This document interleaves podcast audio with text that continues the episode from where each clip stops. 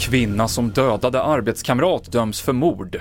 Buss i seriekrock i Uppsala och Nordkorea fortsätter provocera. Rädsla för nya kärnvapentest. Ja, en kvinna som överföll och dödade sin tidigare kollega i vad hon själv beskrivit som en hämndaktion döms till 16 års fängelse för mord. Det var i april som den 44-åriga kvinnan gick till angrepp med kniv och hammare i Upplandsbro utanför Stockholm.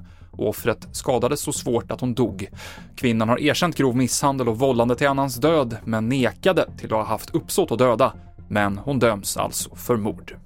En buss har krockat med flera bilar i västra Uppsala nu på förmiddagen och tre personer har förts till sjukhus med ambulans, skriver polisen på sin hemsida. Men skadeläget är oklart. Inget brott misstänks i nuläget, enligt polisen. Nordkorea trappar upp sina vapentester utanför Sydkoreas och Japans kust. Man har nu avfyrat minst 23 robotar, varav en ska ha slagit ner i närheten av sydkoreanskt vatten.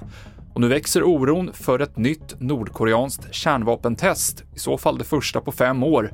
Och de farhågorna kan besannas, säger Niklas Svanström som är chef för Institutet för säkerhets och utvecklingspolitik. Jag, jag tror att vi, vi kommer att se en kärnvapentest inom kort. Det tror jag att vi, det ligger i, far, i farans riktning. Mm. Den stora frågan är ju liksom vad, vad, kommer det att leda till? Kommer det eskalera ytterligare? Kommer det att leda till eh, en ökad osäkerhet? Och det är klart, eh, protesterna kommer vara jättehöga och allting, men eh, jag tror definitivt vi kan förvänta oss en kärnvapentest.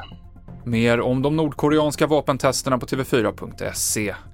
Och vi avslutar med att berätta att den tidigare allsvenska fotbollsspelaren Igor Sypniewski är död. Det här uppger medier i hans hemland, Polen. Sypniewski gjorde stor succé i Halmstad 2003, men det gick sen sämre i Malmö FF och han har berättat senare själv om de problem med alkohol och depression som han tampats med. Igor Sypniewski blev 47 år gammal. Och det avslutar TV4-nyheterna med Mikael Klintevall.